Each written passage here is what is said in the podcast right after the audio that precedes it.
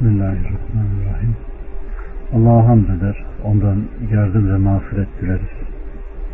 Nefislerimizin şerrinden ona sığınırız. Allah kime hidayet ederse onu saptıracak yoktur. Kimi de saptırmışsa ona hidayet verici yoktur. Sözlerin en güzeli Allah'ın kelamı, yolların en güzeli ise Muhammed sallallahu aleyhi ve sellem Efendimizin yoludur. Dinde sonradan icat edilen her şey bidat, her bidat dalalet, her dalalette ateştedir kardeşlerim.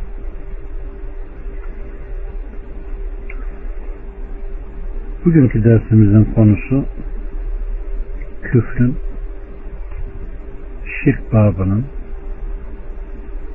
büyük şirkin anlaşılabilmesi için onun ön zemin olan küçük şirk üzerine olacak. Yani riya. Allah subhanahu ve teala bizleri kulluk için yaratmış. Küçük büyük demeden her meseleyi bize izah etmiş. Müminin kim olduğunu, kafirin kim olduğunu, münafığın kim olduğunu, müşriğin kim olduğunu hepsini teker teker izah ettikten sonra inanan insanların üzerinde nefsinin, hevasının oynamaması ve bütün yaptığı amellerin karşılığını sadece kendisinden istemesi için birçok meselenin üzerinde ehemmiyetle durmuştur. Bu hayatta yaptıklarından mesul olduğuna inanan herkes için riya konusu çok önem arz eder kardeşlerim. Mümin olanlar bilirler ki bu dünyadan götürecekleri şeyin sadece amelleridir. Bu da bu inancı taşıyan insan yapabildiği kadar hayır yapma, inancını öbür inançlardan daha çok yapmasıyla olur.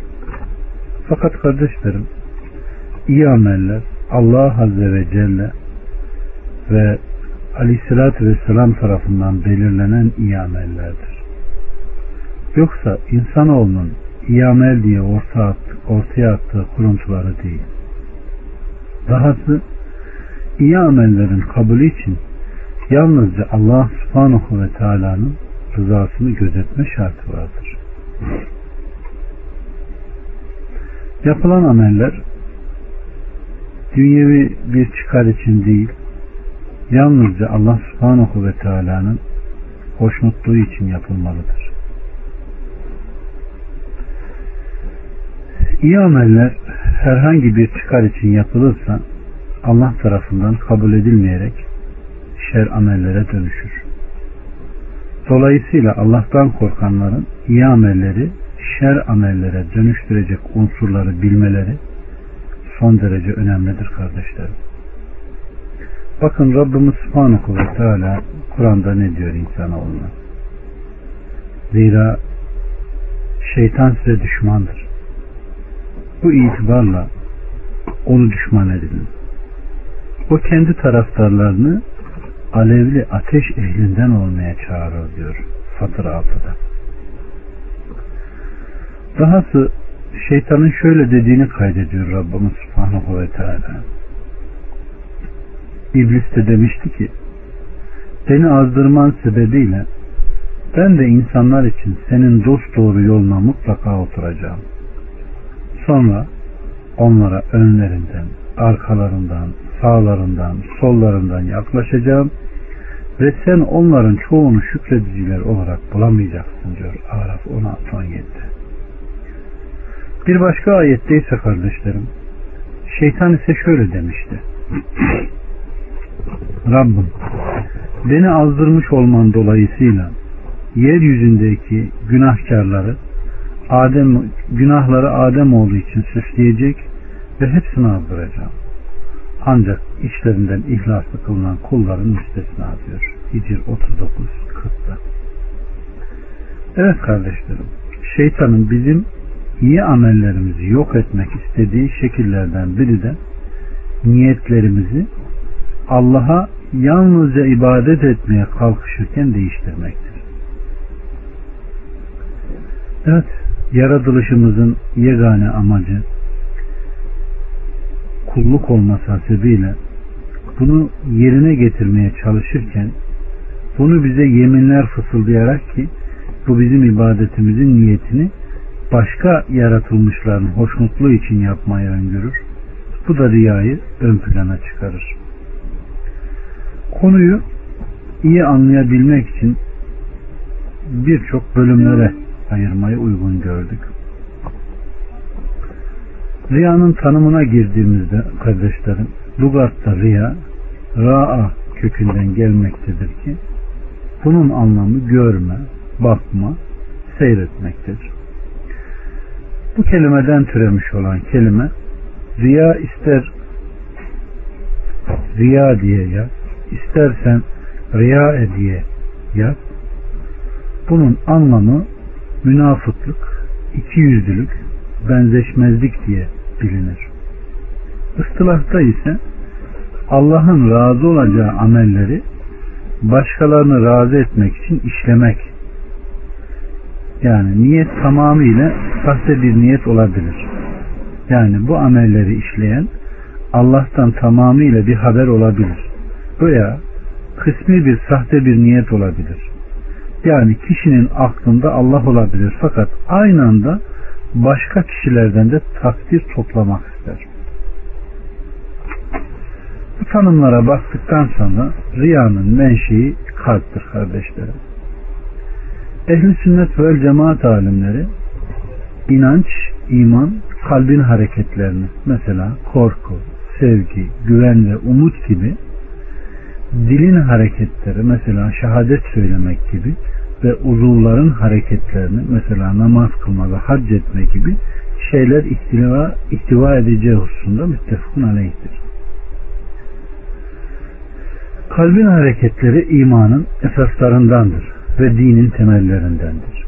İçinde Allah'a ve Resulüne sevgi, Allah'a güven, Allah rızası için dinde samimiyet, Allah'a şükranlık, onun hükmüyle sabretme, ondan korkma ve bütün bu fiiller mahlukatın üzerine zorunludur, farzdır. Kalbin hareketleri imanın temelleridir.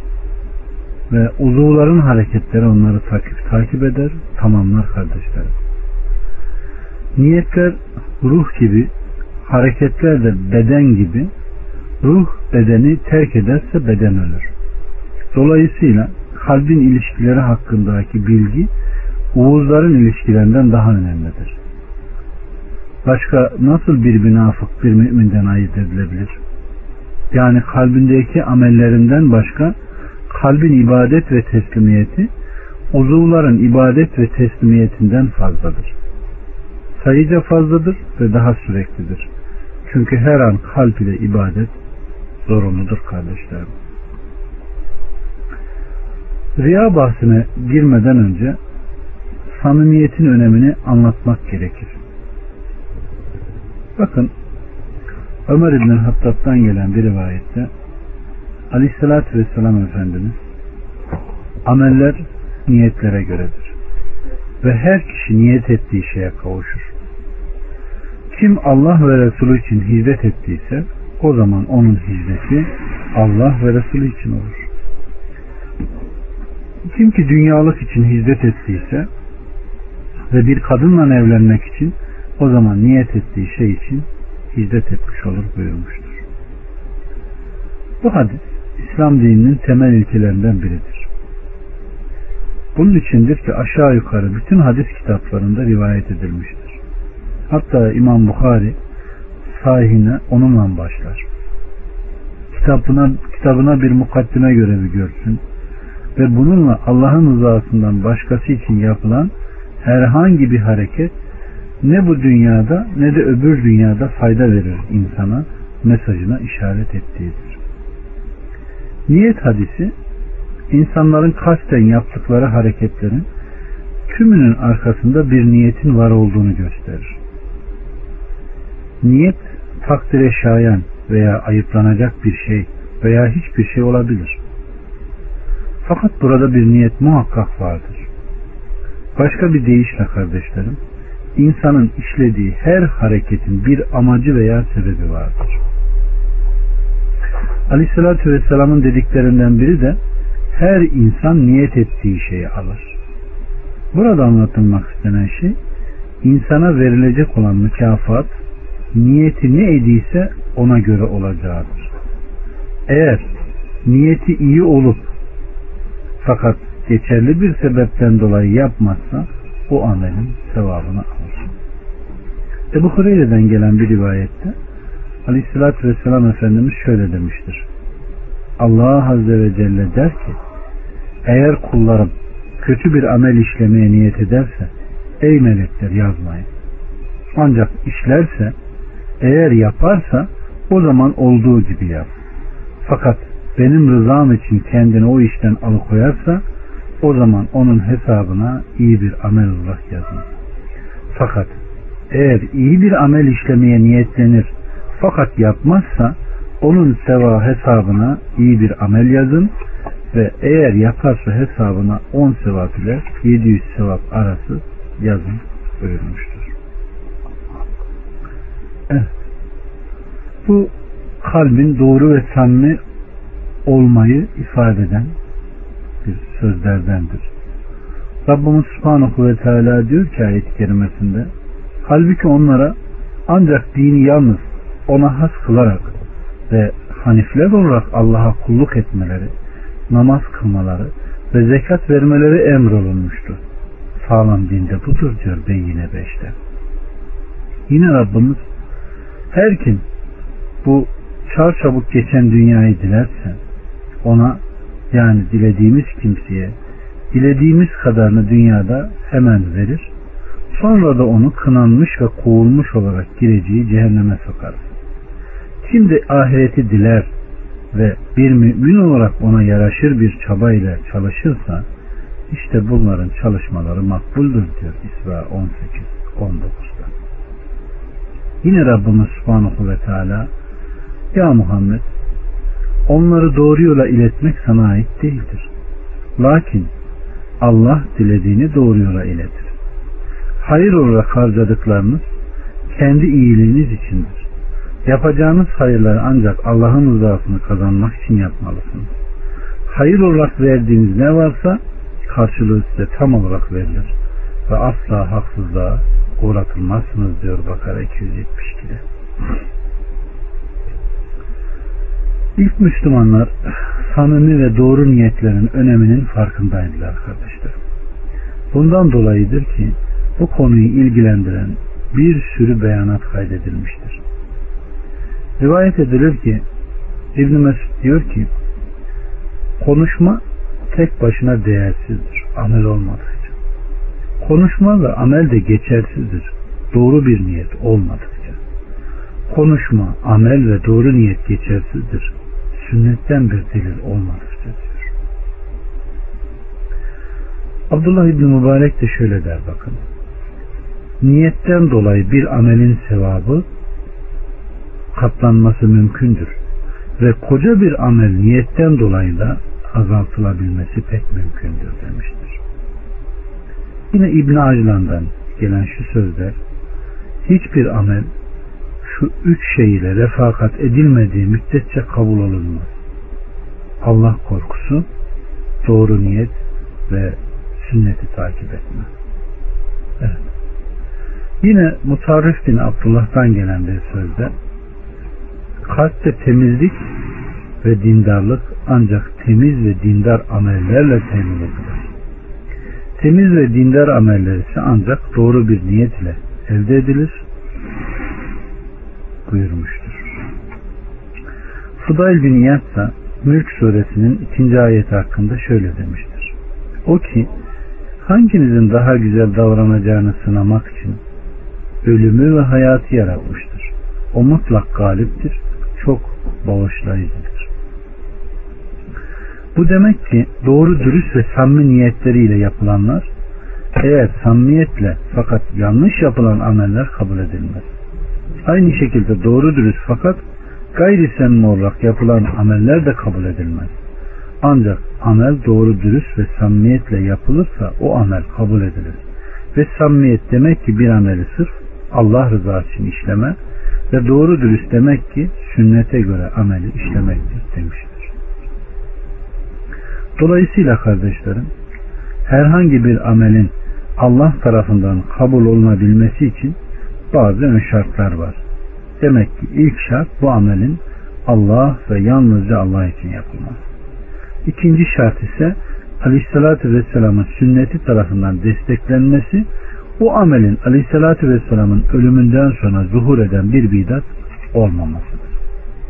Evet. Riyanın tehlikeleri var kardeşlerim. Hem de pek çoktur. O kadar çok ki hatta Aleyhisselatü Vesselam'ın ümmetine karşı sevgi ve ilgisinden dolayı herhangi bir başka bir felaketten daha çok endişe duyduğu bir şey. Bakın Mahmud bin Lebit Aleyhisselatü Vesselam'dan şöyle dediğini nakleder. Sizin için çok endişe ettiğim bir şey vardır ki bu da küçük şirk. Selam. Dediler ki hangi küçük şirk ya Resulullah? O da riyadır buyurmuştur. Evet. Başka bir hadiste Aleyhisselatü Vesselam riyanın tehlikelerini ümmetine Deccal'inkinden daha çok olacağından endişelendiğini nakleder. Ebu Said diyor ki biz Deccal hakkında konuşurken Allah'ın Resulü Aleyhisselatü Vesselam bizim üzerimize çıka geldi ve dedi ki size Deccal'ın tehlikelerinden daha çok sizin için endişe ettiğim şeyden bahsedeyim mi? Biz de evet bahset dedik. O da dedi ki bu gizli şirktir. Ki insan namaza durur, namazını kılarken birinin kendini izlediğini görür de namazını güzelleştirir onu süslerse işte bu nedir? Küçük şirktir buyurmuştur. Bu hadisi nazarı dikkate alınca riyanın gerçek tehlikesini takdir ederiz. Ademoğlunun yaratılışından kıyamet gününe kadar Deccal felaketi insanoğlunun tecrübe edecekleri en büyük ızdırap olacak ve Nuh Aleyhisselam'dan sonra hiçbir peygamber kavmine bu büyük sıkıntı ve sıkıntıdan, kederden bahsetmemezlik etmemiştir. Aleyhissalatü Vesselam'ın Deccal'ın zamanında yaşayanlara ondan kaçmalarını ve kendisi Aleyhissalatü Vesselam da her farz namazdan sonra Deccal'ın tehlikelerinden Allah'a sığınırdı. Fakat dikkat ederseniz Allah'ın Resulü Aleyhisselatü Vesselam riyanın zararlarını Deccal'ın tehlikelerinden daha çok endişe ettiğini söylemiştir. Ayet-i kerimede de geldiği gibi şüphesiz ki bunda aklı olan veya hazır bulunup kulak veren kimseler için büyük bir öğüt vardır diyor kafası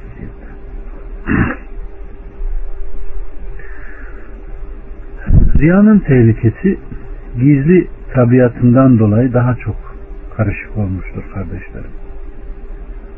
Ebu Musa ile Şari diyor ki Aleyhisselatü Vesselam bize bir gün hutbede şöyle dedi. Ey insanlar! Şu riya denilen şirkten sakının ki karıncanın yürüyüşünden daha da belirsizdir buyurmuştur. İbn Abbas'tan gelen bir nakilde ise aysız bir gecenin ortasında siyah bir taşın üstünde yürüyen bir karıncadan daha belirsizdir demiştir. Aleyhissalatü Vesselam veda haccına çıkmadan riyanın tehlikelerinden mahfuz olmak için Allah Azze ve Celle'ye şöyle dua etmiştir. Allah'ım bu haccı öyle bir hac kıl ki içinde riya ve gösteriş bulunmasın. Evet. Riyanın bazı tehlikeleri vardır kardeşlerim. Bunlardan birincisi imanı ve tevhidi zayıflatır. Rabbimiz Kur'an'da ben cinleri ve insanları ancak bana kulluk etsinler diye yarattım diyor. Riyayı işleyerek insan yaratılış gayesinin ta kendisini mahveder. Çünkü Allah'a gerçekten ibadet edeceğine Allah'a ibadet etmiş gözüküp Allah'ın yarattıklarının zevk ve takdirlerini kazanmaya çalışır insan. Bu ne yapar? Aslında Allah Azze ve Celle gerçek müminleri tanımlarken sırf Allah rızası için ibadetlerini gerçekleştirirler ve başkalarından ne bir mükafat ne de bir teşekkür dilerler. Bakın insan 8 ve 9'da onlar kendi canları çekmesine rağmen yemeği yoksula, yetime ve esire yedirirken biz sizi Allah rızası için doyuruyoruz. Sizden ne bir karşılık ne de bir teşekkür bekliyoruz buyuruyor. Evet, gerçek müminler hayatın temel ihtiyaçlarına muhtaç iken bile başkalarından tek bir teşekkür almadan terk etmeye hazırdırlar. Bilirler ki karşılarındakilerinden iyi amellerine karşılık alabilecek oldukları minnettarlık ve şükranlık Allah'ın vaat ettiği yüce mükafatlarla hiçbir şekilde kıyaslanamaz. Evet, gerçek müminler bilirler ki ancak Allah'ı razı etmek için ve bir tek ilaha ibadet etmek için yaratılmışlardır. Buna işaret eden Allah Azze ve Celle münafıklar hakkında bakın ne diyor. Yazıklar olsun o namaz kılanlara ki onlar namazlarını ciddiye almazlar. Onlar gösteriş yapanlardır, hayra da mani olanlardır buyuruyor. Ve Rabbimiz Subhanahu ve Teala Nisa suresinde şüphesiz münafıklar Allah'a oyun etmeye kalkışıyorlar. Halbuki Allah onların oyunlarını başlarına çevirmektedir. Onlar namaza kalktıkları zaman üşenerek kalkarlar. İnsanlara gösteriş yaparlar. Allah'ı da pek az hatıra getirirler buyuruyor. Evet. Şirkin küçük türüdür bu. Aleyhissalatü Vesselam'ın dediği gibi gizli şirk odur ki kişi namaza kalktığında insanların ona baktığını gördüğü için tekzin eder, süsler buyurmuştur. Riya niyetin şirki şirki en niyet ile sınır teşkil eder ve İslam'ın çemberinden çıkartmaya amaçlayan bir şirk türüdür. Riya ve niyetin şirki arasındaki fark riya işleyen kişi Allah'tan başkasına niyet etmez. Fakat niyetin şirkini işleyen kişi niyeti aslında ibadetini sahte bir ilaha yöneltmektir. Mesela bir Hindu puta taparken onun niyeti ona kurban kesip ibadet etmektir. Çünkü o o putun ona bir yarar veya zarar verebileceğine inanır. Diğer taraftan insanların hayranlığını, takdirini kazanmak için namazını süsleyen birisi namazını bu insanlara yöneltmiyor. Daha ziyade takdirlerini toplamaktır onun amacı. Dolayısıyla bu bir dolayı dolaylı ibadet tipidir ki riya ve niyetin şirki eşit değillerdir. Fakat şirk en niyet riyanın daha da bir dolaysız tecelli edişidir. Rabbimiz Subhanahu ve Teala bakın ne diyor. Allah kendisine ortak koşulmasını asla bağışlamaz. Bundan başkasını dilediği kimse için bağışlar. Allah'a ortak koşan kimse büyük bir günah ile iftira etmiş olur diyor Nisa 48'de. Yine Rabbimiz şüphesiz sana da senden öncekilere de şöyle vahyolunmuştur. Andolsun Allah'a ortak koşarsan işlerin mutlaka boşa gider ve hüsranda kalanlardan olursun diyor Zümer 65'te. Bu ayetlerde ifade edilen şirk büyük şirk için geçerlidir. Küçük şirk ameli iptal eder. Büyük şirk insanı dinden çıkarır. Yani büyük şirk Allah'tan başkasına ibadet etmek gibi insanı İslam çemberinden çıkarır ve o müşrike ebedi cehennemi garantiler. Bütün iyi amelleri mahveder. Diğer tarafta küçük şirk insanı İslam'dan çıkartmazsa da riyanın etkilediği amellerin mükafatlarını yok eder. Yoksa bütün iyi amelleri yok etmez. Küçük şirki işleyen kişiyi Allah Azze ve Celle dilerse affeder, ebedi cehennemlik değildir. Ama yine de Allahu Alem diyelim. Riyanın tehlikelerinden birisi de kardeşlerim saptırmaya artırır. Şüphe yoktur ki riyayı işleyen kişinin kalbinde bir hastalık vardır. ve bu hastalık tedavi edilmezse bundan başka problemlere iletir. Bu manada bakın Rabbimiz ne diyor? Onlar kendi akıllarınca güya Allah'ı ve müminleri aldatırlar. Halbuki onlar ancak kendilerini aldatırlar ve bunun farkında da değillerdir. Onların kalplerinde bir hastalık vardır. Allah da onların hastalığını çoğaltmıştır. Söylemekte oldukları yalanlar sebebiyle de onlar için elin bir azap vardır diyor Bakara 9 ve 10'da.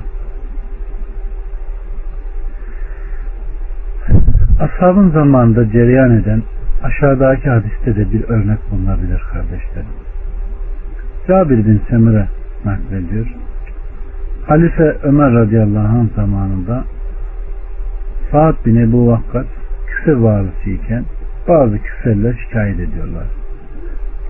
Ömer de Ammar bin Yasir'i problemleri öğrenmek için gönderiyor.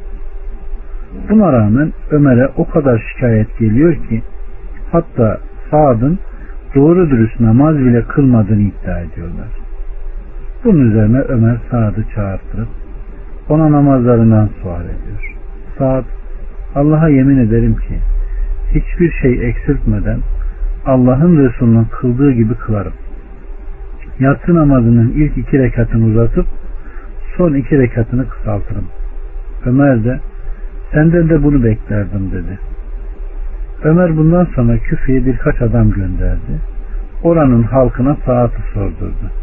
Her girdikleri camilere insanlara saat hakkında soru sordular ve gittikleri her yerde mescitten başka bir şey duymadılar.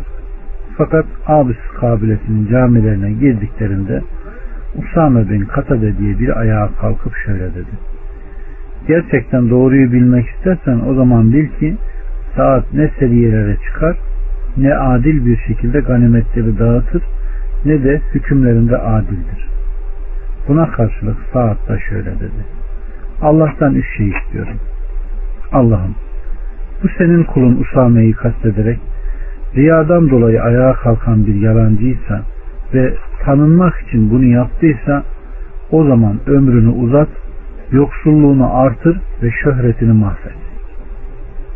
Uzun yıllardan sonra Usame'nin ahvali sorulunca denildi ki yaşlı bir adam yorgun Saad'ın duasına duçar kalmış bir vaziyette kaşları yaşlılıktan göz kapaklarına sarkmış buna rağmen genç kızların yanında sokakta geçtiğinde taciz edendir buyurmuşlardır. Bukhari, Müslim ve Ebu Davud'da bunu bulabilirsiniz. Riyanın tehlikelerinden birisi de kardeşlerim amelleri sevabından mahrum kılar. Allah Resulü Aleyhisselatü Vesselam birçok sözlerinde Allah Azze ve Celle'nin rızasının dışında yapılan amelleri kabul etmeyeceğini beyan ederek bizleri uyarmıştır. Bakın Aleyhisselatü Vesselam Efendimiz Allah hiçbir ameli onun için halisane, onun hoşnutluğunu kazanılabilmesi için yapılmadığı müddetçe kabul etmez buyurmuştur Bukhari'de. Hikmet sahibi Allah bu ameller onun için işlenmediği halde nasıl kabul edebilir? Ve en adil olan Allah nasıl sırf kendi rızası için amel işleyen kişiyle başkasının rızası için amel işleyen kişilere aynı mükafatı verir. Allah bizleri böyle hareketleri işlememiz, işlememizden beri buyursun. Rahmetiyle yargılasın kardeşler. Bakın Rabbimiz ne diyor? Ey iman edenler! Allah'a ve ahiret gününe inanmadığı halde malını gösteriş için harcayan kimse gibi başa kalkma ve incitmek suretiyle yaptığınız hayırları boşa çıkarmayın. Böylesinin durumu üzerinde biraz toprak bulunan düz kayaya benzer ki sağanak bir yağmur isabet etmişse onu çıplak görürsünüz. Kaya haline getiriverilmiştir. Bunlar kazandıklarından hiçbir şeye sahip olmazlar. Allah kafirleri doğru yola iletmez buyurmuştur. Bakara 264'te. Rabbimiz Subhanahu ve Teala burada kardeşlerim riyayı işleyen kişiyi üzeri toprak örtülü koca düz bir kayaya benzetiyor. Kişiler ona baktıklarında verimli bir yere baktıklarını zannediyorlar. Oysa az bir yağmur yağsa, bir rüzgar etse, o aynı yine ne yapıyor? Kaya haline çıkıveriyor. Dahası amellerin meyvelerinin tadını da tadamıyorlar. Bakın Rabbimiz ne diyor? Sizden biriniz arzu eder mi ki hurma ve üzüm ağaçlarıyla dolu arasından sular akan ve kendisi için orada her çeşit meyveden bulunan bir bahçesi olsun da bakıma muhtaç, çoluk çocuğu varken kendisine bir ihtiyarlık gelip çatsın, bahçeye de içinde ateş bulunan bir kasırga isabet ederek yakıp kül etsin. İşte düşünüp anlayasınız diye Allah size ayetlerini açıklar diyor. Bakara 266'da. Rabbimiz Subhanahu ve Teala riya işleyenin iyi amellerini güzel ve süslü bir bahçenin yanmasına benzetiyor. Ki sahibi de onun yanmasını bir çare seyretmekte kalır. İşte bu onun iyi amellerinin boşa gitmesini gösteren bir benzetmedir. Kıyamet gününde Allah riya işleyenleri küçük düşürüp kimin rızasını kazanmak istediyse gidip mükafatı da ondan almasını söyler. Allah Resulü Aleyhisselatü Vesselam bir sözünde Rabbimiz Subhanahu ve Teala riya işleyenlere der ki kıyamet gününde insanlara hesaba çekerken git amellerini gösteriş yaptığın o kişilere ve gör bakalım onlarla hiçbir mükafat görecek misin? Evet. Ebu Hureyre'nin naklettiği bir rivayette Aleyhisselatü Vesselam Efendimiz Allah Azze ve Celle dedi ki ben bütün ortaklardan en kendine yeterli gani olanıyım. Ortağa muhtaç da değilim. Fakat kim bir ameli hem başkasının hem de benim rızam için işleyecek olursa o kişiyi bana ortak tutulan şeyle baş başa bırakırım. Yani o ameli için hiçbir sevap kazanamaz buyurmuştur. Yine Aleyhisselatü Vesselam Efendimiz ümmete kolaylığın, onurun ve diniyle gelecek şöhretin Allah'tan dünyada yardımı ve gücüyle müjdeleyin. Ve kim ahirete yerleştirecek olan amelini dünya için işlerse ona ahirette o amelin nasibi olmaz buyurmuştur. Evet, riyanın tehlikelerinden birisi de Allah tarafından rüsvaylıktır kardeşlerim. Her ne kadar insan ün ve takdir için yaptığı iyi amellerin karşılığını bu dünyada görse de din gününde Allah Azze ve Celle onları rezil ve rüsva edecektir ki Muaz'dan gelen bir rivayette Aleyhisselatü Vesselam Efendimiz bu dünyada hiçbir insan ki gösteriş yapan şöhret sahibi insan yoktur ki kıyamet gününde Allah onu mahlukatın tümünün önünde teşhir etmesin buyurmuştur. Yine aleyhissalatü vesselam Efendimiz kim ki başkalarına amelleriyle övünürse Allah Azze ve Celle onu bütün yaratıkların önünde rüsva eder ve onursuz kılar, karalar buyurmuştur. Allah bizleri halisane ibadet eden ve ibadetinde hiç kimsenin katifini beklemeyen insanlardan eylesin. Evet kardeşlerim. Riyanın tehlikelerinden birisi de cehennem ateşine girdiren ilk sebeptir. Bakın aleyhissalatü vesselam Efendimiz şöyle buyurmuştur. Muhakkak ki Allah kıyamet gününde kulların arasına iner. Ve hüküm verir. Bütün milletler dizleri üstüne çökerler. Kıyamet gününde ilk hesaba çekilecek bir alim olur. Allah yolunda öldürülen bir şehit ve mülkünü devamlı dağıtan zengin bir kişi. Allah subhanahu ve teala alime Resulüme indirileni öğretmedim mi sana? O da cevaben der ki evet. Allah Azze ve Celle sana öğrettiğimle ne yaptın? O da şöyledir. Onu her gün ezbere okudum ve ilim araştırdım ve insanlara öğrettim. Allah Azze ve Celle ona cevaben hayır yalan söyledim. Ve şahit olan melekler de hayır yalan söyledim derler. Vallahi Azze ve Celle devam eder ki sen sadece insanların senin hakkında o bir alim bu bir alimdir dedirtmek istedin ve denildi de. Zengin kişiyi çağırıp sorguya çektiğinde seni başkalarına muhtaç olmayacak derecede nimetlendirmedim mi? Karşılık olarak evet der. O da Allah Azze ve Celle o zaman sana verdiğim ile ne yaptın?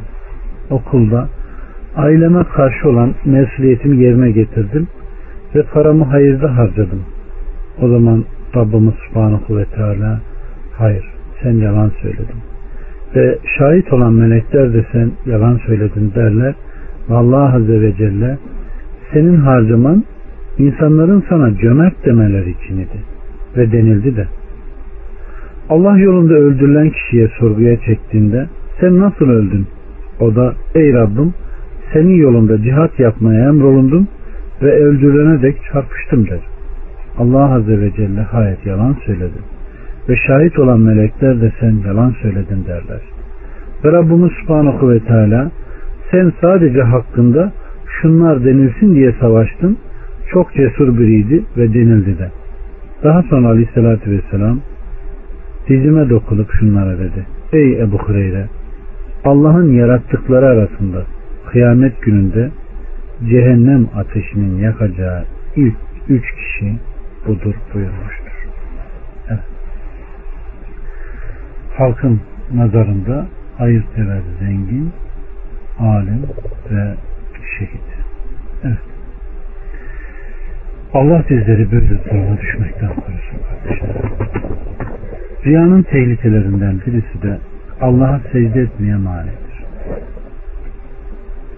İnsanları daha da rüsva etmek için Allah insanların takdirlerine tapan kişilere ona en muhtaç oldukları ve en çok istedikleri anda ona secde etmelerine mani olacaktır. Ebu Said el-Hudri tarafından gelen uzun bir hadiste Aleyhisselatü Vesselam müminlerin kıyamet gününde Allah Azze ve Celle'yi nasıl göreceklerini tarif ettikten sonra bakın ne diyor. Daha sonra Allah Azze ve Celle cemalini gösterir ve, ona kim samimice secde ettiyse onların secde etmelerine müsaade eder. Öyle ki onlardan hiç kimse ayakta kalmayacak. Oysa başkalarının takdiri için secde edenler ise Allah Azze ve Celle sırtlarını tek parçaymış gibi yapacak. Her secdeye gittiklerinde yüzüstü yere düşecekler. Evet. Rabbimiz böyle bir duruma düşmekten bizleri korusun. Kendisine huşuyla samimice secde edenlerden eylesin. Riyanın tehlikelerinden birisi de kardeşlerim cennete girişi yasaklar. Salih amelleri insanın tak, insanların takdiri için işleme insanın cennete girmesini yasaklayabilir. Bakın Aleyhisselatü Vesselam Efendimiz ne diyor? Kim bu dünyada faydalanmak için Allah rızasını gözetmesi gereken bir bilgiye sahip olursa, edinirse kıyamet gününde cennetin kokusunu dahi alamaz. Burada bahsedilen bilgi İslam'ın bilgisidir. Ki bu sırf Allah rızasını gözetleyerek kazanılması gereken bir ilimdir. Muhakkak ki Allah ve Resulü tarafından bu bir emirdir. Dinimiz hakkında bilgi edinmemiz gerekir. Aleyhissalatü Vesselam Efendimiz ilmi ne alimlerle rekabet için ne dini bilgilerden yoksul kişiler için ne de tartışmak için ne de toplantıları zihinlerde yerleştirip güzelleştirmek için öğrenin. Kim bunu yaparsa o zaman ateşi beklesin, ateşi buyurmuştur. Evet. Evet Müslüman kardeşlerim, Müslüman bacılarım. Bu hepimize o kadar çok ciddi bir ihtardır ki insanların zihinlerinde iz bırakmak için ilim öğrenilmez. Fakat bu ancak Allah rızası için olmalı. İslam alimlerinin çoğu mutabıktır ki riyayı işleyen kişi cehennem ateşinde ebedi kalmaz. Yeter ki o insanın kalbinde biraz tevhid bulunsun. En sonunda cehennem ateşinden çıkarılır. Hatta insan riyasından dolayı affedilip hiçbir ceza çekmeyebilir. Eğer Allah dilerse. Riyanın tehlikelerinden birisi de amellerin lanetlenmesidir kardeşlerim. Amellerimizin takdis edileceği yerine ün ve övgü için yapılanlar lanetlenecektir. Aleyhissalatü Vesselam Efendimiz bütün dünya lanetlidir. İçindeki her şey lanetlidir. Ancak Allah rızasını amaçlayan ameller hariç buyurmuştur. Riyanın tehlikelerinden birisi de ümmetin helakıdır. Riyanın birçok tehlikesinden bir tehlikesi zararı bir tek failiyle sınırlı değil, zira bütün ümmeti etkiler. Allah Resulü Aleyhisselatü Vesselam Efendimizin dediği gibi bu ümmet Allah tarafından yardım ediliyor, zayıf ve halsiz kişilerden dolayı yalvarmalarından, namazlarından ve ihlaslarından dolayı buyurmuştur. Bu hadiste aleyhissalatü vesselam milletine, ümmetine ümmetine Allah tarafından ihlaslılardan dolayı yardım olunacaklardır. Dolayısıyla bu millet ihlaslı üyelerini kaybederlerse Allah Azze ve Celle onlardan yardımını keser. Bakın Rabbimiz Kur'an'da ne diyor? Allah size yardım ederse artık size üstün gelecek hiç kimse yoktur. Eğer sizi bırakıverirse ondan sonra size kim yardım eder? Müminler ancak Allah'a güvenip dayanmalıdır. Alimran 160'da.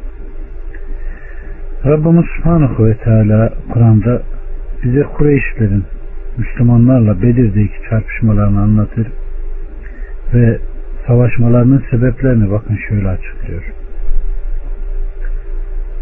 Çalım satma, insanlara gösteriş yapma ve insanları Allah yolundan alıkoymak için yurtlarından çıkanlar kafirler gibi olmayın. Allah onların yaptıklarını çepeçevre kuşatmıştır diyor. En fazla 40 Evet. Riyanın sebepleri var kardeşlerim. Riyanın temel sebebi iman zayıflığıdır. Bir kişinin Allah'a itikadı güçlü olmazsa insanların takdirini Allah'ın takdirine tercih eder. İmandaki bu zafiyet ahiretteki nimetleri ve mükafatları hesaba katmamaya iter. Ve bu dünyadaki makam ve prestij isteme arzusunu artırır, kamçılar. İşte bunlar kişinin riyaya düşmesine sebep olur. Riyaya işaret eden üç sebep vardır ki bir mümin bunların hepsinden kendisini sakındırması gerektirir. Birincisi methedilme, ikincisi eleştirilme korkusu, üçüncüsü ise kişilerin mallarını kıskanmaktır. Methedilme aşkına gelince bu belirti sohbetin başında da zikrettiğimiz gibi cehenneme girecek ilk üç kişiden bahsedildiğinde alim, şehit ve hayırsever zengin bu üç kişinin hepsi de Allah'ın rızasından ziyade insanların övgülerini arzulamışlardı. İnsanların övgülerini arzulayan kişi kendisinde azamet duymalı ki kendini met olunmaya layık görsün. Dolayısıyla onun gittikçe kibirli ve övüngen olma tehlikesi vardır. Aleyhissalatü Vesselam Efendimiz şöyle buyurmuştur. Allah Azze ve Celle dedi ki kibrim, büyüklüğüm, örtüm ve azametim cübbemdir. Ve kim benimle bu hususta herhangi biriyle yarışırsa onu cehenneme atarım. Yine başka bir hadiste Aleyhisselatü Vesselam kendine tapan, aşık olan kişi hakkında uyarısını şöyle diyor. Helak edici şeyler üçtür. Tabi olunan hevalar, takip edilen kıskançlıklar, bir de kişinin kendisine taparcasına aşık olma hali. Yani kendini beğenme ki bu amellerin helakıdır. Bu onların en şiddetlisidir buyuruyor. Allah bizi böyle durumlara düşmekten beri buyursun kardeşlerim. Rabbimiz Subhanahu ve Teala Kur'an'da biz kullarını tembihliyor. Hristiyan ve Yahudilerin durumuna düşmeyelim diye.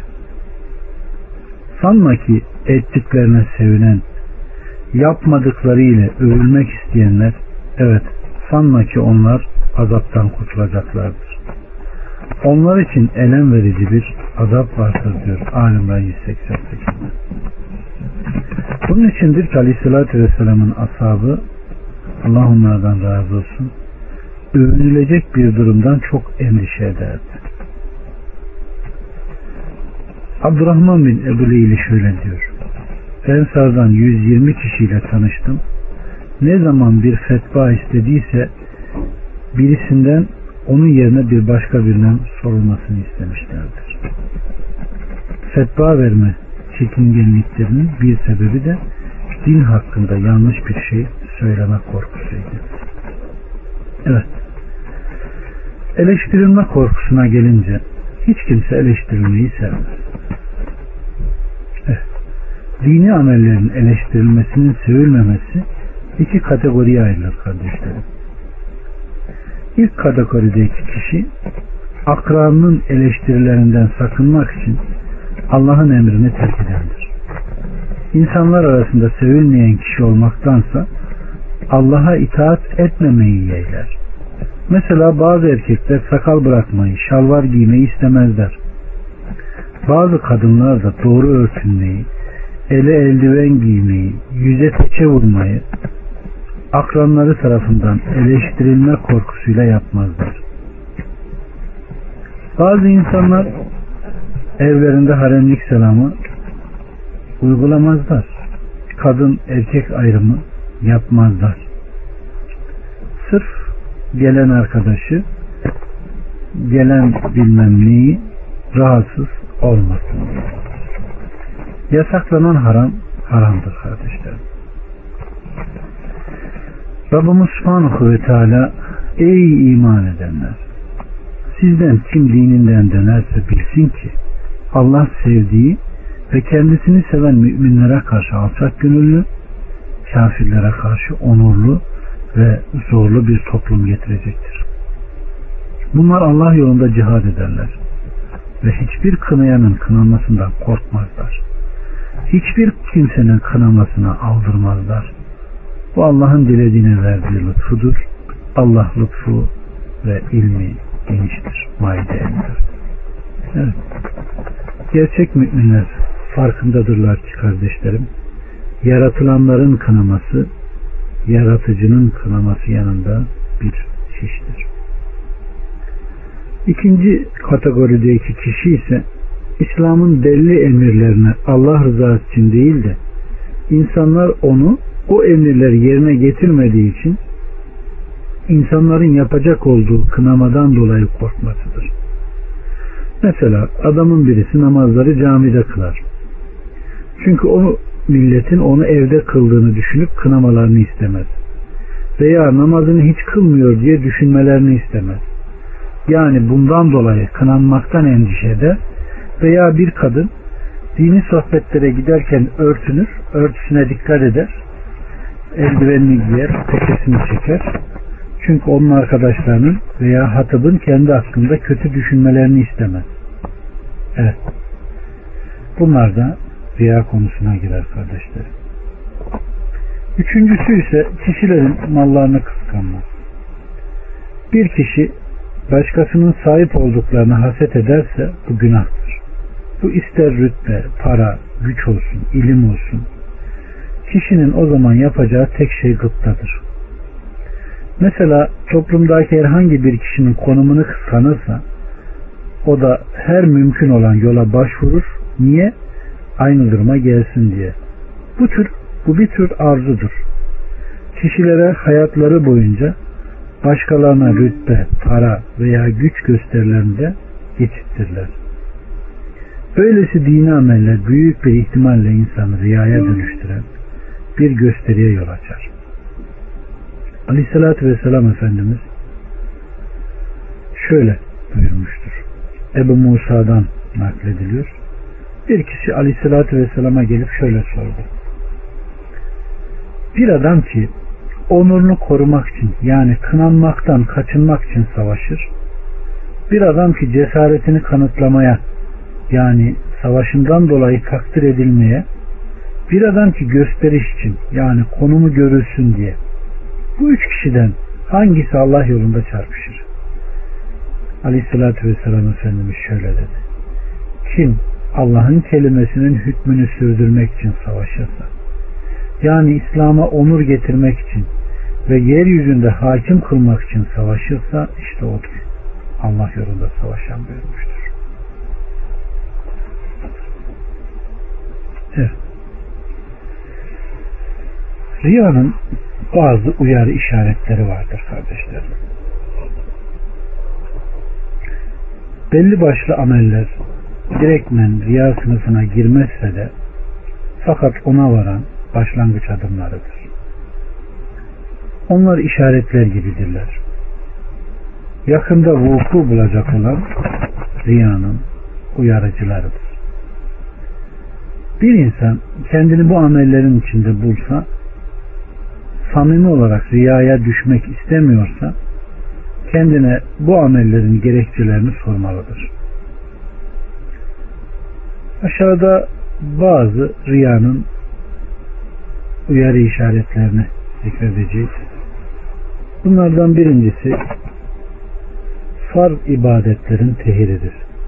Eğer bir insan Allah'ın ona yükümlü farz kıldığı ibadetlerin tatbikinde çok dikkatsiz davranırsa mesela zorunlu ibadet, namaz, zorunlu hayır, zekat veya hac veya ümre gibi o zaman bu onun imanının çok zayıf olduğuna işarettir.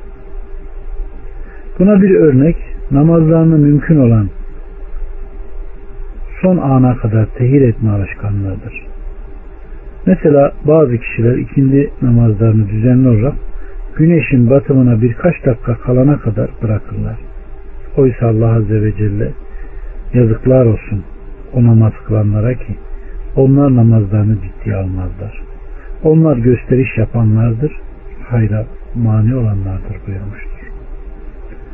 Bu ayetlerde Allah Azze ve Celle hafif meşreplikle ifade edilen farz ibadetleri riya ile bağlantı kurar. Eğer kişi imanıyla bu ibadetleri belirtilen vakitlerde işlemezse o zaman büyük bir ihtimalle onu bunları işlemeye iten güç riya olur. Uyarılardan bir tanesi de ibadet etme şevkinin eksikliğidir kardeşlerim. Benzer olarak bir kişi Rabbi ne ibadet etmeye gayretli değilse o zaman bunun insanlar tarafından takdir olmaya gayretli olduğu beklenir. Rabbimiz Subhanahu ve Teala'nın dediği gibi şüphesiz münafıklar Allah'a oyun etmeye kalkışırlar. Halbuki Allah onların oyunlarını başlarına çevirmektedir. Onlar namaza kalktıkları zaman üşenerek kalkarlar. İnsanlara gösteriş yaparlar, Allah'ı da pek az hatıra getirirler diyor Nisa 142'de.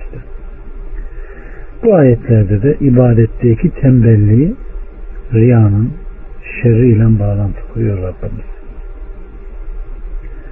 Yine uyarılardan bir tanesi de iyi amellerin halk tarafında işlenmesidir.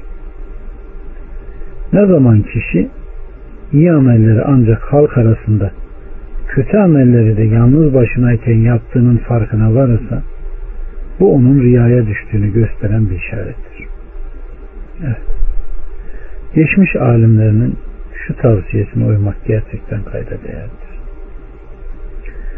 Riyanın nedenlerini kendinden sanki insanların fikirlerinin sana olan önemi bir çocuğun ya da hayvanın fikirleri kadar önemli olduğunu düşünerek yok et. İbadetini insanların varlığına veya yokluğuna, onların senin amellerinin farkına varıp varmadıklarına göre değiştirme.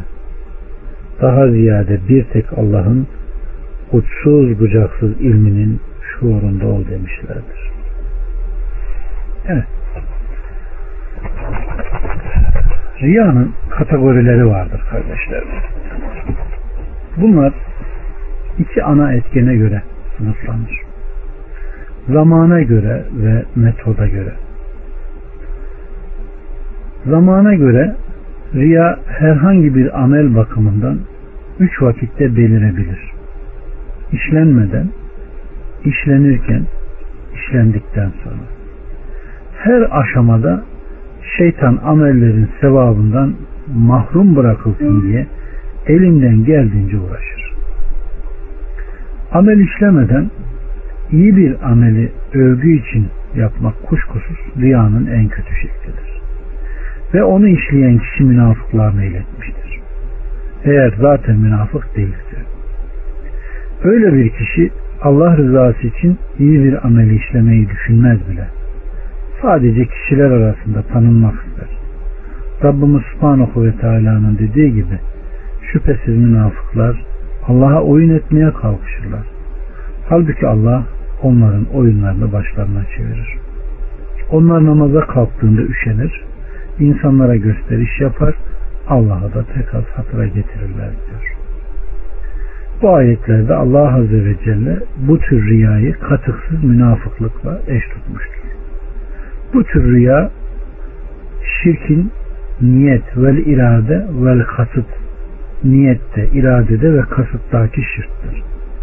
Belli ki bu tür iyi ameller Allah tarafından hiçbir şekilde kabul olunmaz ve bu manevi bir hastalık olan münafıklığın güçlü bir göstergesidir. Amel işlerken bu halde insan amellerini sırf Allah rızası için yapmaya başlar. Ta ki o insan başkaları tarafından görüldüğünün farkına varıncaya dek. Daha sonra o amelini iyice güzelleştirir ki görenler onun daha bir mutlaki olduğunu sansınlar diye. Riya ile ilgili aleyhissalatü vesselam Efendimiz Ey insanlar gizli şirkten sakının buyurdu. Ashab ey Allah'ın Resulü gizli şirk nedir ki? Aleyhissalatü vesselam bir kişi namaza kalkar ve kişilerin onu gördüğünü görünce namazını tezyin edip güzelleştirir. Çünkü onların gördüğünü görür. İşte bu gizli şirktir buyurmuştur. Burada farkına varılması gereken önemli nokta şu ki amellerini niyetiyle karıştıran kişi sevabının çoğunu eğer hepsini değilse de kaybetme tehlikesini yaşar. Kuşkusuz bu namaz ameline kıyamet gününde sadece elem yaratır.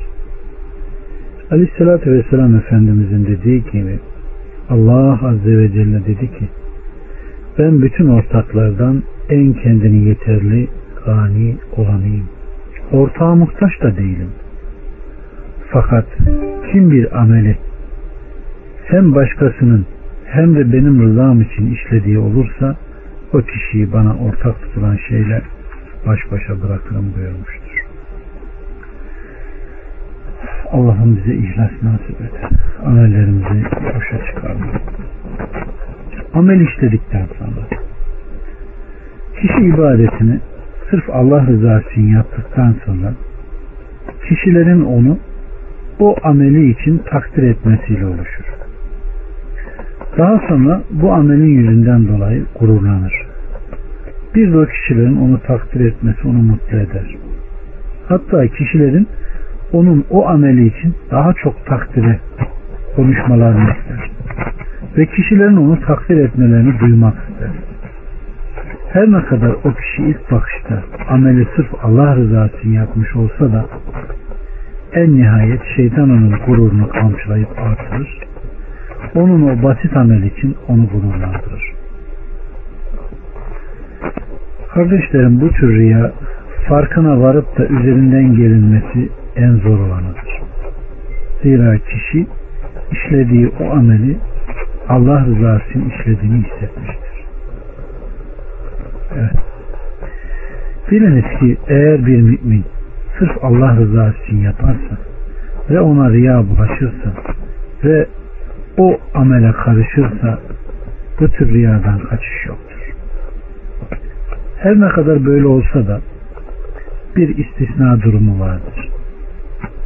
O da kişi içindeki riyanın etkisini hissedip ve içinden bu duyguyu söküp atıp tekrar yerine samimi bir niyet yerleştirmesi şartıyla olur ki Allah Azze ve Celle şeytanın evadını üstesinden gelebilen müminleri şöyle övüyor bakın. Takvaya erenler var ya onlara şeytan tarafından bir vesvese dokunduğunda Allah'ın emir ve yasaklarını hatırlayıp hemen gerçeği görürler diyor Araf 201'de. Gerçek bir mümin kendisini takdir edenler karşısında rahatsız olur. Çünkü bilir ki niyetlerine büyük tehlikeler arz eder. Alimlerden bazıları şöyle der kardeşlerim. Bir abidin riyadan kaçınması mümkündür fakat başkaları onun amelinden bahsedip onu övmeye başlayınca öyle takdirler karşısında abid rahatsızlık duymaz. Bilakis mutluluk duyar ve böylesi takdirlerin onun ibadetini kolaylaştıracağına inanır. İşte bu duygu gizli şirkin görünmesidir. Kişi iyi amel işledikten sonra yolda insanlardan sevgi, saygı bekliyorsa bu riyanın işaretidir. Riyanın metodu var kardeşlerim. Riyanın sınıflandırılabilecek ikinci bir yol riyanın işlendiği şekliyle alakalıdır. Riya bedenin bütün uğuzlarıyla işlenebilir. Dış etkenlerin yardımı olsun olmasını fark etmez. Riyanın değişik şekilleri vardır. Bir bütün olarak bedeni ele aldığımızda bu mesela namazda veya sadaka dağıtmaya tezahür edebilir. Bedenin bütün uğurlarının hareketleri bu kategoriye girer. En ince hareketler bile riya hareketleri olabilir. Bir keresinde Hasan-ı Basri acıklı bir vaaz verirken dinleyenlerden birisi iş çekiyor. Sanki vaaz onu ahiret için endişeye düşürmüştü. Hasan-ı Basri ona diyor ki eğer bu ah çekmen Allah için değil, için ise o zaman kendini odak noktası yaptın. Ve şayet Allah'tan başkası için idiyse o zaman kendini helak ettin demiştir. Evet. Konuşma. Vaizler hutbe irade edenler ve ders verenler arasında en genel riya türüdür bu. Dinleyenleri çok düşündüklerinden veya onları doğru yola iletmek istemelerinin düşüncesinden ziyade bazı konuşmacılar sadece başkalarının belagatlı konuşmalarıyla başkalarını belagatlı konuşmalarıyla etkileme ve toplumun içinde kendilerinin ünlerini ve meşhurluklarını yerleştirmek isterler. E, başka bir örnekle kişi arkadaşlarına ve tanıdıklarına iyilik yapmayı ve kötülükten uzaklaştırmalarını şiddetle rica eder. İslam'ı yayma, davet için değil de daha ziyade kendisinin çok muttaki olduğunu gösterme çabasındadır. Bu kişi mütemadiyen İslam, cennet, cehennem gibi şeylerden bahseder. Fakat hitap ettiği kişiler onu gerçekten ilgilendirmez kalbinde onlara karşı herhangi bir şey hissetmez. tek emeli toplumdaki kendi mevkisini kurmaktır. Bu tür riya öyle bir inceliğe sahiptir ki kişinin kendisini kötülemesi bile riya teşkil eder. Evet. Burada kayda değer bir kamufle edilmiş amel var. Kişi kendisini toplumda kötüler ki kişiler onu dürüst, ağırbaşlı sansınlar ve onu takdir etsinler diye. Bu riyanın en ince tespitidir ve selef de buna karşı uyarmıştır. Mutarrif bin Abdullah der ki mümkündür ki kişi şahsını yüceltebilir. Kendini el alemin önünde kötüleyerek bu kötüleme, kötüleme ile de amacı ruhunu yüceltmektir. Allah indinde bu katıksız akılsızlıktır kardeşlerim. Uzantılı olarak kişinin şöhret için konuşması, kitap ve makale bile yazması vardır. Yine kişileri etkilemek için ahenkli bir tonda Kur'an da okur. Allah bizleri böyle hallere düşmekten korur. Şeytan ilimde ilerlemiş kişilerin çoğunu şaşırtmıştır. Ki onların çoğu gece uyuyup bütün günlerini kitap yazmakla geçirirler. Ve şeytan bunlara bunu İslam uğruna yaptıklarını inandırır. Fakat gerçekte asli amaçları ünlerini yayıp kişilerden gördükleri saygıyı artırmaktır. Bu şeytanın oyununu ortaya çıkarmak için ilmini onun ismini zikretmeden yayıldığını gördüğünde sevincine bakmalı veya ilmini başkasının adıyla yayıldığını görmesine karşı tepkisinin nasıl olduğunu izlemeli. Böyle bir durumda sevincinin tezahürü ancak amacı ilmini samimiyetle yaymak isteyen kişide görülür. Evet. İmam-ı Şafi diyor ki bir şey öğrenmedim ancak kişilerin bu ilimden bana atfedilmeden faydalanmalarını umarım buyurmuştur. Görünüş çok önemlidir kardeşlerim. Riya kişinin fakirvari elbiseler giyip giysileriyle karma karışık bir görüntü sağlamayı alakadar edebilir. Niyet dünyaya önem vermeyen sadece ahiretle ilgilenen kişi görüntüsünü ima etmekten durum budur. Veya tam tersi kişi pek şık elbiselerle dikkatleri üzerine çekme veya alimlerin giysileri olarak kabul edilen elbiselere bürünür ki kişiler onu alim mülahaze etsinler. Bu karakter yoksunu olan insanların her ikisi de bir Müslümanın adabına aykırıdır. Kişi güzel elbise almaya muktedirse güzel giyinmeli, israf etmeden Allah'ın nimetlerini üzerinde göstermelidir. Aleyhissalatü Vesselam Efendimiz kalbinde zerre kadar kibir bulunan kimse cennete giremez buyurmuştur.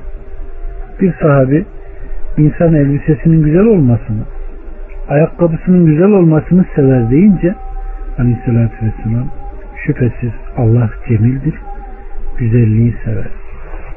Kibir ise hakkı def ve inkar etmek, insanları hor görmektir buyurmuştur. Fakat kişi gerçekten böylesi giysilere gücü yetmiyorsa o zaman bütçesini zorlamadan giyinmeli. Eğer fakirse giysileri en azından temiz olmalıdır. Rabbimiz Subhanahu ve Teala münafıkların dış giysileriyle gerçek kişilikleri karşılaştırırken bakın ne diyor. Onları görünce cisimleri hoşuna gider. Söz söylerse sözlerini dinlersin. Fakat onlar sanki elbise giydirilmiş, içi boş, odun gibidirler. Her sesin kendi aleyhlerine olduğunu zannederler. Onlar düşmandırlar. Bu itibarla onlardan uzaktır. Allah onları katletsin nasıl olur da haktan döndürülüyorlar diyor. Münafıkın dörtte. Evet. Allah Azze ve Celle elbiseyle karakteri nasıl bağlıyor değil mi? Yine kardeşlerim, arkadaş ve akranlar çok önemlidir rüyada. İnsanın sevdiği ve dolayısıyla kişiliğini birleştirdiği kişiler dahi riyanın bir sebep olabilir.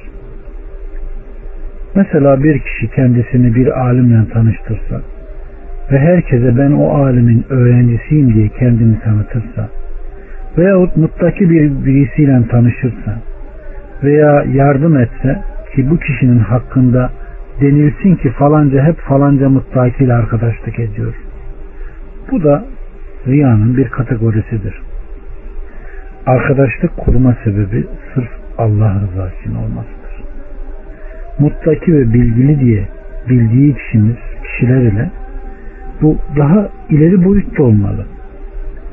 Kişilerin rızası için değil, sadece Allah rızası için olmalıdır. Riyanın aile üzerinde de büyük rolü vardır. Birçok ebeveyn çocuklarının İslam'ı yaşayan Müslüman olmasını ister. Dini bilgilerden gafil olmalarını istemezler. Bu bütün Müslümanların ebeveynlerde bulunması gereken bir şeydir.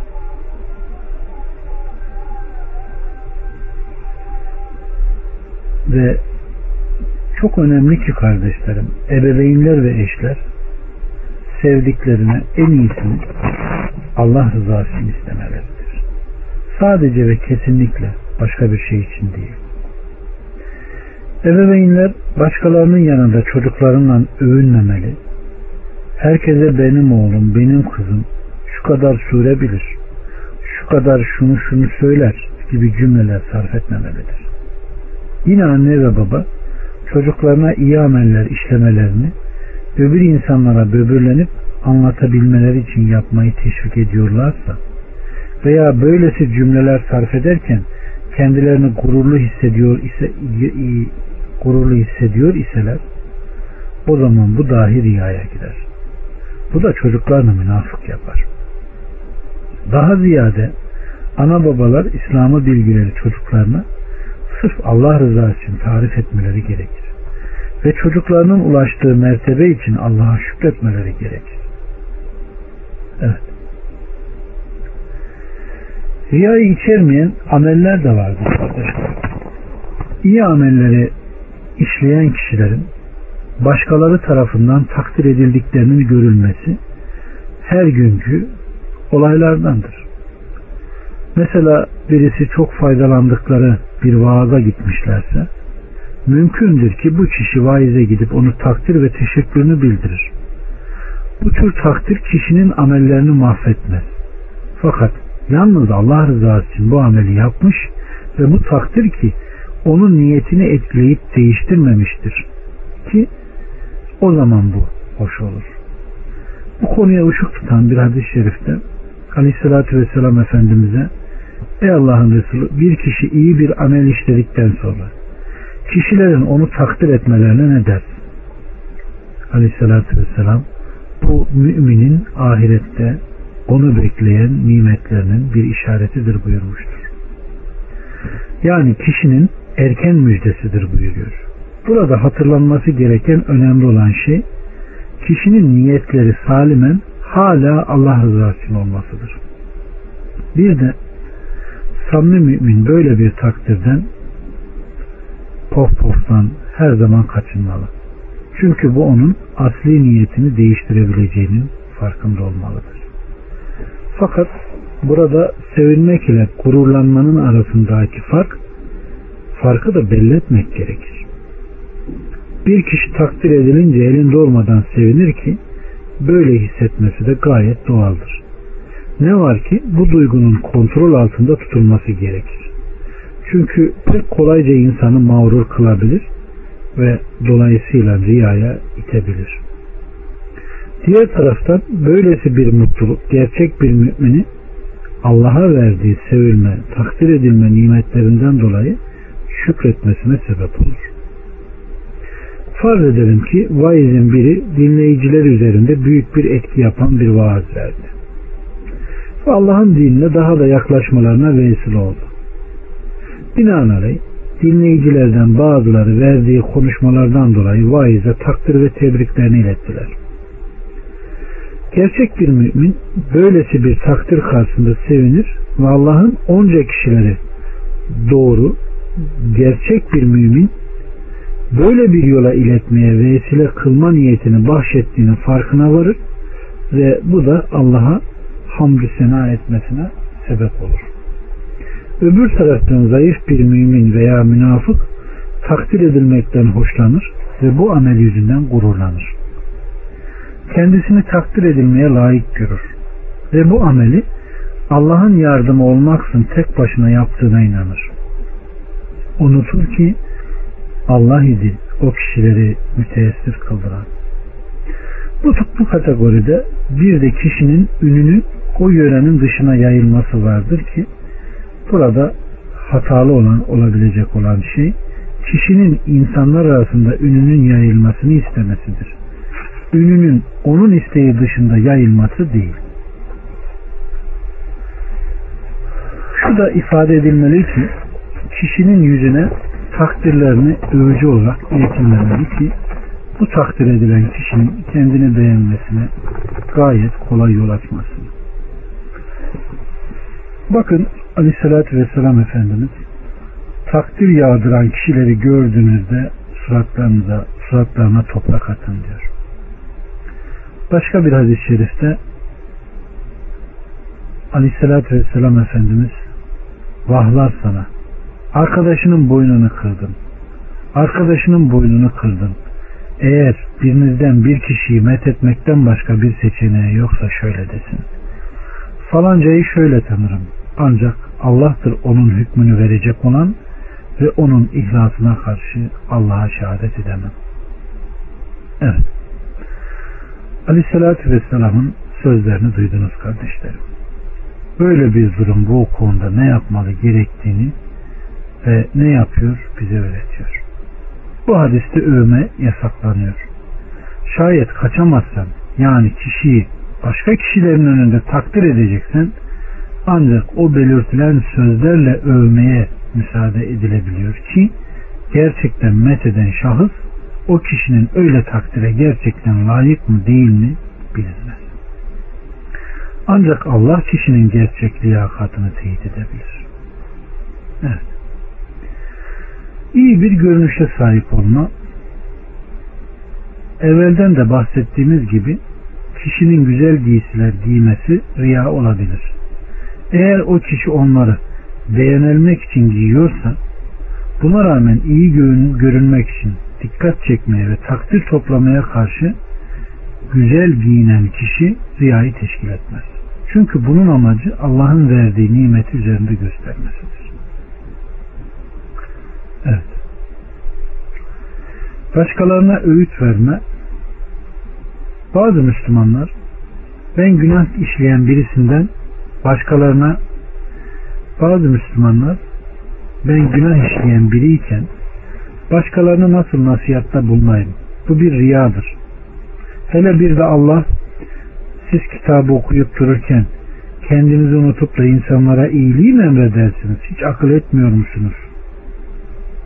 Ayette varken derler. Halbuki bu ayet müminleri başkalarını iyiliğe davet ederken kendilerini de teşvik etmeyi göz önünde tutuyor. Bunun sadece iyi ameller işleyen kişiye hitap ettiğini düşünme, insana iyi yapmaya, engel olmaya çalışan şeytanın bir vesvesesidir. Ki insan haram işlese bile başkalarına iyiyi ve kötüyü söylemeye mecburdur. Aslında böyle yapmadığı müddetçe başka bir günah irtikap etmiş olur. Şeytan birçok Müslümanı şaşırtmayı becermiştir. Hatta o derece ki şerri gördüklerinde karşı çıkmazlar. Kendilerine der ki ancak mutlaki birisi başkalarına iyiliği emredip kötülüğe karşı çıkabilirler. Ve ben muttaki değilim ki nasıl başkalarına bir tavsiyede bulunabilirim derler. Bu doğru değildir. Çünkü herkes emri bil maruf ve nehyanil münker yapmakla mükelleftir. İsterse kötülüğün ta içinde olsun. Bakın Rabbimiz ne diyor? Onlar Beni İsrail'den Yahudilere ve Hristiyanlara Davut'un ve Meryem oğlu İsa'nın diliyle lanet etti. Onların lanetlenmesine sebepleri isyan edip hadde tecavüz etmeleriydi. Onlar birbirine münker yapıp görürken nehyetmezlerdi. Bu yaptıkları ne kötü işte diyor Maide 78-79'da. Aleyhissalatü Vesselam Efendimiz de eğer siz de görmüş olduğunuz böyle bir münkere mani olmazsanız zalim elinden tutup hakka itmezseniz Allah onlara nasıl lanet etmişse size de böylece lanet eder buyurmuştur. Evet, anlayana, dinleyene, itaat edene, amel edene kardeşler. Birinin günahını gizleme. Bazıları şöyle diyebilir. Günah işleyen birisinin günahını gizleme münafıklıkla alakalıdır. Haram işleyen kişinin hem kendini hem de günahını teşhir etmeli ki kişiler onun gerçek kişiliğini görebilmeliymiş. Bu duygu da şeytandan gelmedir. Kişi günahlarını kendisiyle Allah arasında tutmaya çalışmalı. Ve günahını halka söylemeden kendini düzeltmeye çalışmalıdır. Bu meyanda aleyhissalatü vesselam bütün ümmetin günahlarından mağruf olacaklardır. Teşhir edenler hariç. Biri akşamlayın bir günah işler ve Allah o ameli gizler. Sabahleyin okul ey falanca dün akşam şöyle şöyle yaptım derse Rabbi o günahı örtmesine rağmen Allah'ın örtüsünü bu sözüyle kendisi için açar. Evet. Allah'ın örtmüş olduğunu kul şeytanın vesvesesiyle ne yapar onu açar. Kişi bu günahını teşhir etmekle mümkündür ki o günahı başkasına da cazip kılar ve topluma şer yarmış, yaymış olur. Rabbimiz diyor ki iman edenler arasında fuhşun yayılmasını arzu edenlere dünya ve ahirette çok acıklı bir azap vardır. Allah her şeyi bilir fakat siz bilmezsiniz diyor Nur 19'da. Evet. Bu demek değildir ki kişi istediği kadar gizli haram işleyebilir. Buradaki kasıt teşhir edilen haramın edilmeyenkinden daha fazla kötü olduğudur. Hatta günahlarımızı örtme şerde değil yapmamızı tavsiye edilen bir şeydir. Aleyhissalatü Vesselam Efendimiz başkalarının yapmandan hoşlanmadığı hareketleri yapma yalnız olsan dahi buyurmuştur. Sıkılmadınız değil mi? Devam edeyim mi? Tamam. Muttakilerin yanında bulunurken iyi amellere atılma. Gayet doğaldır ki bir mümin kendisinden daha muttaki ve bilgili kişilerle beraber iken onlardan etkilenir. Mesela teheccüd namazına kalkar. Böyle bir alışkanlığı olmadığını olmadığı halde Böyle bir amel yeter ki Allah rızası için işlenmiş olsun. Bu hareket riya değildir. Sadece o ameli işlemeye bir sebeptir. Çünkü Allah'ın Resulü Aleyhisselatü Vesselam insanlara mutlakilerle arkadaşlık kurmalarını tavsiye etmiştir. Ve salih bir topluluk ile şer bir topluluğun misalini bir koku satanla demircinin misali gibidir demiştir. Koku satandan bir zarar görmezsin. Ondan ya bir şey alırsın ya da güzel bir koku koklarsın. Demirciye gelince ya seni yakar ya da elbiseni yakar veya en azından elbisene iz kokusu siner buyurmuşlardır, buyurmuştur. Görüyorsunuz bir arkadaşın arkadaş üzerindeki tesirini. Bunu Aleyhisselatü Vesselam Efendimiz koku satanla demirci körüğünde çalışanı iyi ve kötü arkadaşın misline veriyor muttakiler arasında yapılan amellerin samimiyetle yapılıp riya için yapılmadığının bir işareti de kişi o ameli daha sonra gizli bir şekilde yapmasıdır. Dini ibadet ve dünyevi menfaat bazı kişiler riya mefhumunu doğru dürüst anlayamazlar. Ve bu yüzden de bazı meseleleri birbirine karıştırabilirler. Hem Allah rızası için yapılan hem de dünyadan faydalanmak, faydalanmak için yapılan amele riya derler. Halbuki durum böyle değildir. Dini bir amelden faydalanmak ile ameli Allah'tan başkası için yapmanın farkı alenidir. Öyle bir durumda kişi hem Allah'ın rızasını gözetler ve aynı zamanda da Allah'ın ihsanından ve rızkından da dileyebilir. Evet. Mesela hac esnasında Rabbinden rızık istemenizde herhangi bir günah yoktur ayeti buna işaret etmiştir. Evet. Riyadan kaçınmanın yolları. Riyanın nedenleri içerdiği ve tehlikelerin neler olduğunu verdiğimiz çeşitli örneklerle anlatmaya çalıştık. Şimdi de riyayı ilgilendiren en önemli konulardan birine bakmanın zamanı geldi zannedersem. Yani riyadan kaçınmanın yolu nedir?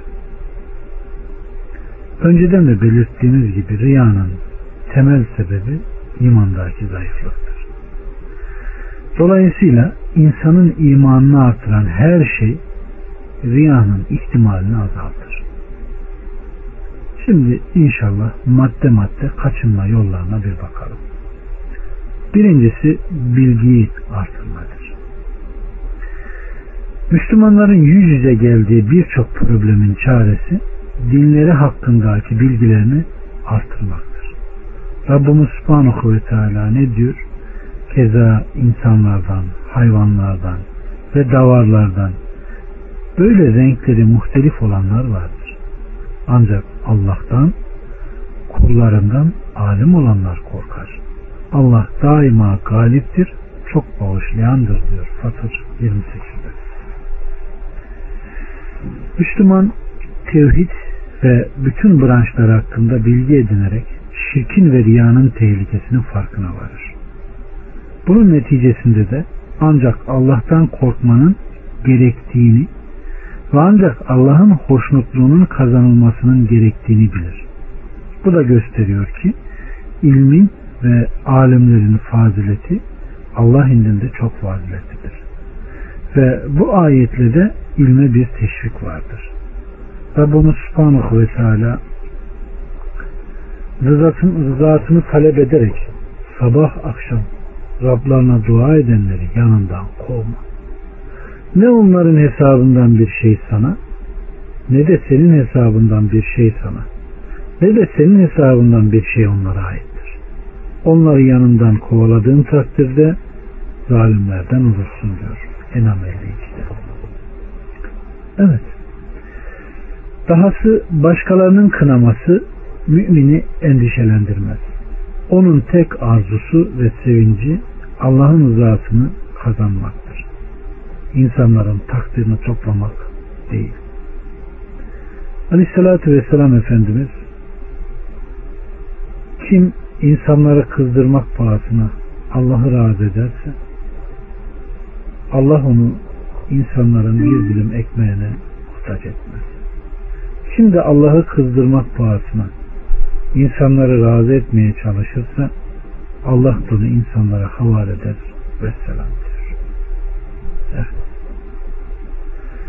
Rabbimiz Subhanahu ve Teala bizleri hayırda yarıştırsın kardeşlerim. Aleyhissalatü Vesselam Efendimiz Allah bizden bir hadis işitip de onu ezberleyen sonra da onu kendisinden daha iyi ezberleyip muhafaza edecek olana nakleden kişinin yüzünü ağartsın. Zira nice bilgi taşıyıcısı vardır ki iyi anlayışlı fakih değildir. Bilgiyi kendisinden daha iyi anlayışlı olana taşıyan niceleri vardır. Bir Müslümanın kalbi üç haslet üzerine sebat ederse cennete girer. Bunlar amelde ihlaslı olma, buyruk sahiplerinin iyiliğini isteme, cemaate bağlı kalma. Çünkü onların duası onları arkalarından kuşatır. Kimin niyeti ahiret olursa Allah zenginliğini kalbine koyar. Ona gönül zenginliği verir, dağınıklığını toplar, işlerini düzene kor. Ve dünya boyun eğerek ona gelir. Kimin de niyeti bu dünya olursa Allah onun topluluğunu dağıtır, düzenini bozar, korkusunu iki gözünün arasına kor. Dünyadan da kendisine başkası değil, sadece takdir edilmiş olan gelir buyurmuştur. Evet. İbn Abbas'tan gelen bir rivayette ise iki haris doymaz. İlmin peşine düşen, dünyanın peşine düşen buyuruyor. Bu bakta sanırım mesajımızı verdik. Daha fazla durmanın bir anlamı yok. İnşallah ilmin dindeki yeri ve fazileti belli. Ama unutulan küçük bir nokta var ki biz de onu hatırlatmaya çalıştık. Herhalde onun ne olduğunu anlamışsınızdır. Yani iki sınıf insan var. Üçüncü yok. Ya o ya o. Ya iki haris duymaz bundan kaçamazsınız. Sen seçersin Allah da kolaylaştırır. İkincisi dua kardeşlerim. Riyayı en güçlü savan ve bunu en kolay yapan şeylerden biri de duadır. Aleyhissalatü vesselam Efendimiz insanlar bu şirkten sakınsınlar ki karıncanın yürüyüşünden daha gizlidir. Birisi ey Allah'ın Resulü karıncanın yürüyüşünden daha gizliyse ondan nasıl sakınabiliriz? Aleyhissalatü vesselam Ey Allah'ım şirki bilerek işlemekten sana sığınırız bilmeyerek işleyeceğimiz şirk içinde senden af dileriz buyurdu. Evet. Başka bir rivayette şirk aranızda karıncanın yürüyüşünden daha gizlidir. Ve size bir şey söyleyeceğim ki eğer bunu yaparsanız sizi hem büyük hem de küçük şirkten ayırır. De ki ey Allah'ım bilerek senden başkalarına ibadet etmekten sana sığınırım. Ve senden bilmediklerimden dolayı da af dilerim. Evet. Bu da yani korunma yollarından biri de neymiş? Dua etmek. Üçüncüsü kardeşlerim cennet ve cehennem hakkında düşünme.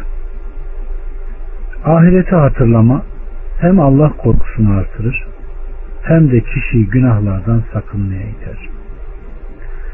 Eğer kişi hayatın gerçek amacının ne şeref, ne şan kazanma, ne de başkalarının mutluluğunu kazanma değil de daha ziyade kendini cehennemden kurtarıp cennete girme olduğunu bilse o zaman riyadan sakınmak için elinden geleni yapar. Rabbimiz Subhanahu ve Teala'nın dediği gibi ve yine de ki ben de sizin gibi bir insanım. İlahınızın tek bir ilah olduğunu bana vahyediliyor. Her kim Rabbine kavuşmayı umuyorsa iyi ameller işlesin ve Rabbine ibadette hiç kimseyi ortak koşmasın buyuruyor. Ayeti kerime çok açık. İbadet ve taatın sadece Allah'a yapılmasını ve ibadette hiçbir şeyin ona ortak koşulmamasını emrediyor. Kişi yaptığı ameli görünüşte Allah için yapar.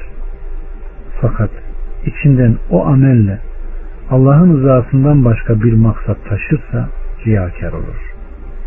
Ve böylece de Rabbına ibadette ortak koşmuş olur. Evet. Abdullah bin Abbas burada ifade edilen ibadette Allah'a ortak koşmayı gösteriş için ibadet etme olarak izah etmiştir. Aleyhissalatü Vesselam Efendimiz Allah geleceğinde şüphe olmayan kıyamet gününde İnsanları bir araya topladığı zaman bir çağrıcı şöyle seslenecektir. Kim Allah için yaptığı bir ameli başkasına ona ortak koştuysa sevabını Allah'tan başkasından istesin. Zira Allah'ın kendisinin ortak koşulmaya asla ihtiyacı yoktur buyurmuştur. Diğer bir hadis-i şerifte de kardeşlerim kişinin amel ederken Allah'a nasıl ortak koşmuş olacağını beyan ederek deniyor ki kim gösteriş için namaz kılarsa şirke düşer kim gösteriş için oruç tutarsa şirke düşmüş olur kim gösteriş için sadaka verirse şirke düşmüş olur buyurmuştur. Evet kardeşlerim cenneti düşünün cehennemi düşünün ve hayatınıza bir çeki düzen verin. Dördüncüsü iyi amelleri gizleme. Riyadan sakınmanın bir yolu da kardeşlerim Allah'a gizlice ibadet etmedir. Gizli ibadet etme insana iki şey kazandırır. Birincisi kişi yapmış olduğu nafile ibadetleri başkalarına göstermeyerek onları tesir altına almaya çalışmaz. Ve böyle bir tehlikede doğmaz. Dolayısıyla takdir edilmekle ifsad olunmuş amellerde olmaz. İkincisi bu tür amellerin gizli yapılması kişinin imanını artırır ki bu kişiyi riyadan sakındırmaya da yardımcı olur. Müminlerden bahsederken Rabbimiz onlar gecenin az bir kısmında uyur, çoğunda namaz kılar, seher vaktinde istiğfar ederler diyor. Zariyet 17-18 Başka bir deyişle gizli ibadet gerçek müminlerin karakterlerinden bir cüzdür kardeşler. Evet. Beşincisi noksanlıkları düşünme. Ne zaman kişi riyaya düşer olduğunu farkına varırsa yapacağı ilk iş hemen yaptığı günahları hatırlama ve kendi nefsinin ne kadar zafiyet içinde olduğunu düşünmelidir. Ve böylelikle inşallah kalbinde olan gururu atar. Yerine içine düştüğü, bulaştığı bu şerleri düşünmeli veya yapabileceği halde yapamadığı iyilikleri düşünmelidir. Altıncısı muttakilerin yanında bulunmalıdır. Alimlerle ahbaplık kurup onların yanında bulma riyanın tehlikelerini büyük ölçüde azaltır. Zira böyle kişiler muhtemelen ondan iyi olurlar. Hem de onların bilgi ve takvalarından istifade ederler. Onların yanında kendini bir ihtimal mutlaki hissetmez ve onlar da onu riya ilimlerini düzeltebilirler. Dahası aşırı bir takdirde tabi tutmazlar onu. Zira sünnette evvelden de bahsedildiği gibi övme nehyedilmiştir. Bu da riya tehdidini azaltır. Allah Azze ve Celle'nin bildirdiği gibi şüphesiz ki benim dostum kitabı indiren Allah'tır. O salih kimselerin dostudur. Yedincisi de kardeşlerim riya hakkında bilgi. İhmalkarlık riya konusunda insanları büyük günah iten şeydir. Riyanın tehlikelerini bilme, riyanın muhtelif görüntüsünden haberdar olma, kişiyi en iyi şekilde ondan kaçınmaya iter. Evet. Bazı meseleler de vardır ki kardeşlerim riya ile bağlantılı bazı bahsedilmesi gereken mevzular vardır. Riya konusuyla iyi amellerden kaçınma. Şüphesiz ki riya şeytanı lanenin iyi amellerimizi yok etmeye çalıştığı ve bunu kullandığı silahlardan birisidir. Ne var ki şeytanın başka bir kapanına kapılmamak lazım ki bu riya korkusuyla iyi amellerden kaçınma kapanıdır ki şeytan insanı iyi bir amelin sevabından mahrum bırakmaya çalışır. Bunu da başaramazsa o zaman tam tersini yaparak insanları korkutmaya çalışır. Ve kişiye salih ameli terk etmeye çalışır. Fıdal bin diyor ki kişilerin rızası için salih amel işlemeyi terk etmek riyadır. Ve kişilerin rızası için iyi amel işlemek ise küçük iştir. İyi amellerdeki gerçek samimiyet Allah seni bu iki tür hareketten koruduğunda olur. Ne var ki bu sözler farz, ibadetler için söylenmiştir. Beş vakit namaz ve hac gibi. Böyle ameller alenen işlenmesi gerekir. Aynı zamanda alimler salih amellerin bazen halk arasında alenen işlenmeli ki başkaları onun tarafından teşvik edilmeli demişlerdir. İkincisi dünyevi işlerde gösteriş. Burada da anlatılması gereken bir nokta şudur ki bu çalışmanın amacı sırf dini ameldeki riyadır. Bu dolayısıyla dünyevi işlerdeki meselelerden bahsetmez. Misal kişinin şahsi eşyası ve dünyevi kazançtaki gösterişi buna örnek olarak verilebilir. Kişi başkalarını evine zenginliğini görsünler diye övüneyim diye davet edebilir. Bu hareketler anlattığımız riyaya girmez ama böyle bir harekette müminin ahlakı olamaz.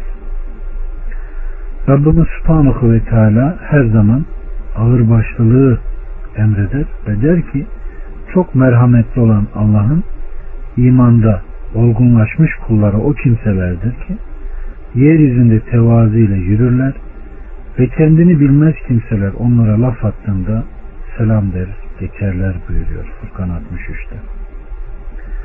Evet müminlerden halleri bu kardeşlerim.